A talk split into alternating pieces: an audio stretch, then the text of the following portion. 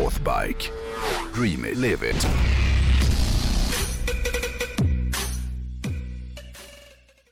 Jag tänkte ta mig en liten funderare den här veckan, eller till den här veckan så har jag funderat lite, eller jag har inte funderat så jävla mycket som vanligt, men mm, frågeställningen jag ändå tänkte ta mig an det är att finns det en risk med att den här nya digitala tekniken som vi översköljs av i, idag eh, gör hojåkningen lite mindre härlig?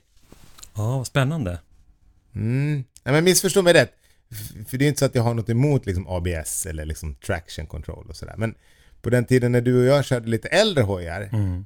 då kände man ju att liksom den typen av hojar, det skulle vara, de skulle vara väldigt mekaniska. För det var ju lite av hela grejen med shoppers och bobbers. Liksom, ehm, att det var den här känslan, den mekaniska känslan som, man, som var en väldigt stor del av hojåkningen då. Man körde väldigt mycket med arslet kändes det som. Alltså, ja, var, men precis. Vibrationerna ja, i skinkorna. Ja. Det, var, det, var, ja. det, var, det var dåtidens traction control. ja, precis ja. ja.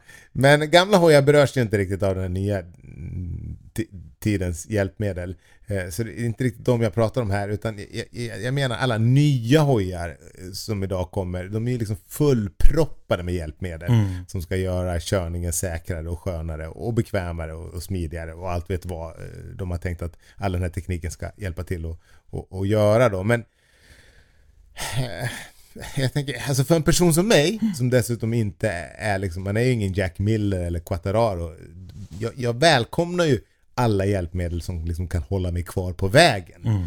Men jag undrar ändå om det kanske finns en gräns som hojtillverkarna kanske helst inte ska kliva över. Uh, man har ju sett klipp på, på BMWs den här självkörande hojen och frågan jag ändå skulle vilja ställa är om hojbranschen kanske bör tänka efter en extra gång innan man implementerar allt för mycket liksom, ny teknik i framtidens hojar. Många nya motorcyklar har ju, ja, de har ju farthållare med sån här radarsensor. Ja, ja, som scannar av liksom framförvarande trafik. Då. Och även om det säkert kan vara skönt, tänker jag, att sitta på liksom en stor äventyrshoj om man ska plöja 100 mil på landsväg. Eh, då är det väl säkert skönt att ha det här, men det är ändå något med det här som skaver lite grann tycker jag. Mm. Jag tycker att en, en hoj mycket mer än en bil många gånger blir liksom en del av en själv på något sätt. Du, du vet, man, man, som du sa, man kör med hela kroppen på ett annat sätt. Ja. Uh, och därför tycker jag att den här typen av hjälpmedel kan bli lite konstiga. För jag vill liksom aldrig att hojen ska leva ett eget liv. Den får gärna ha hjälpmedel som, som får mig att känna att jag liksom blir en bättre förare eh, än, än vad jag kanske är. Men jag vill ju inte att hojen ska, ska börja bestämma. Och det förstår jag att du inte heller vill eftersom du är allergisk mot det här även i bilar. Ja, ja verkligen. Uh, bara för att något är bättre rent tekniskt så tänker jag att det behöver inte betyda att det nödvändigtvis är bättre ur ett liksom känslomässigt perspektiv. Ta automatlådan till exempel. Mm. Det är ett exempel eh, där det förvisso kan vara praktiskt i min familjebil att ha. Men det är ju ingenting som jag vill ha liksom, om jag köper en Jenko Camar. Nej, nej, nej. Och jag tror att det, det, samma gäller ju för hojar, eller ännu mer för hojar. För även om, om jag fattar att det kan vara grymt liksom, att ha en Africa Twin då, som har det här DCT-systemet, alltså den här automatväxeln som, som Honda har. Eh, om man ska köra långt mm. så är det säkert jätteskönt. Men, men samtidigt så känner jag liksom att vad fan, är det så jävla jobbigt att växla egentligen? Jo, men jag, jag tänker att på, för en hoj blir det ännu mer påtagligt att man vill vara aktiv. För det är ju lite därför man har valt en motorcykel framför en bil. Ja, men lite så, det är lite så jag också tänker. Och det här vitsen med det här DCT-automatsystemet, jag skulle kunna tänka mig det på kanske lite mindre hojar som är tänkta att köras primärt in i stan. Mm -hmm. Alltså lite som, som en väsp, liksom, väsp, liksom hojar som, ja, men, men, på en större hoj så är det inte här någonting som, som åtminstone jag skulle vilja ha. Och när det kommer till teknik så tycker jag dessutom att, att det faktiskt skulle vara bra om flera gjorde som, som Yamaha har gjort.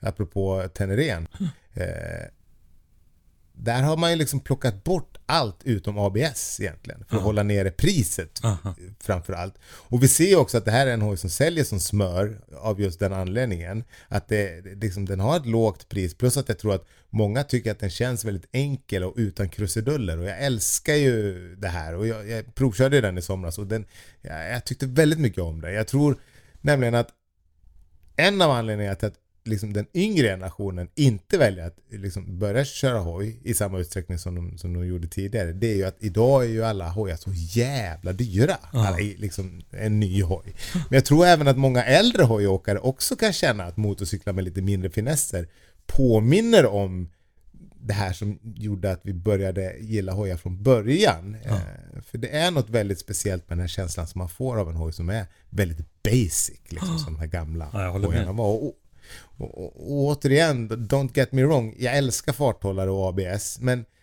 i- liksom, klickar jag mig runt i displayen, både på den här nya KTM som jag har nu, eller på Trajan som jag hade innan, det finns så mycket körlägen och inställningar och finesser så till slut så känner jag att nej, det blir för mycket, åtminstone för mig. Mhm. Nu är ju inte jag, jag är ju lite teknikfientlig, eh, det ska jag ju erkänna.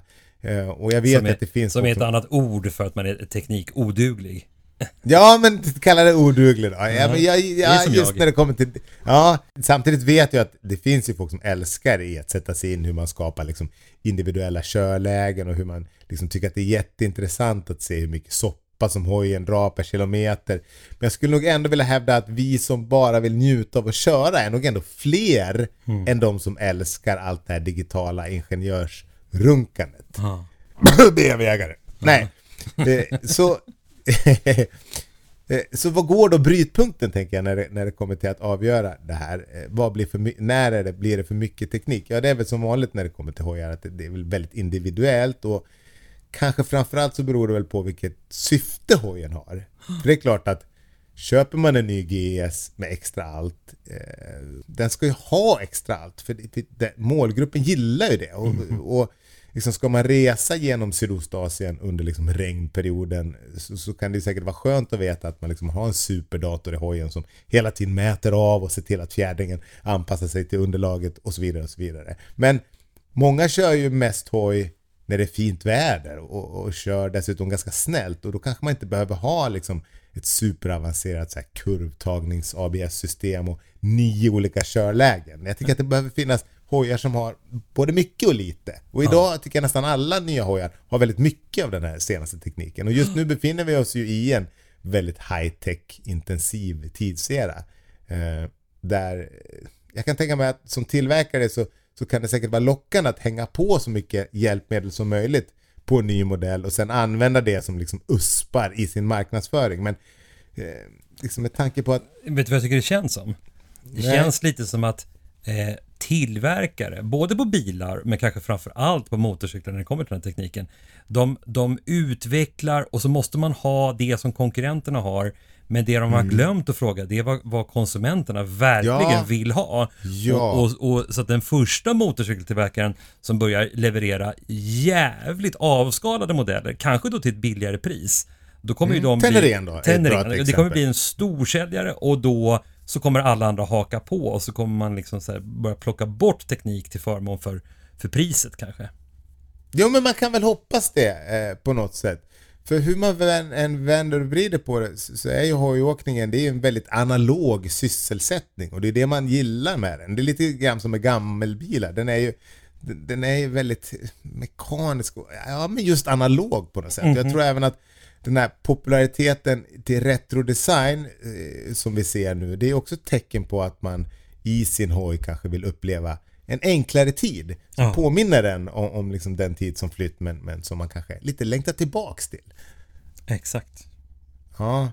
Så det var lite tankar om eh, det här med alla, all modern teknik. Och som sagt, jag förstår ju att det finns eh, folk som, som älskar det här nya. Men jag tycker att det behöver finnas både och. Jag säger inte att det, att det ska tas bort, utan att det bör finnas både och.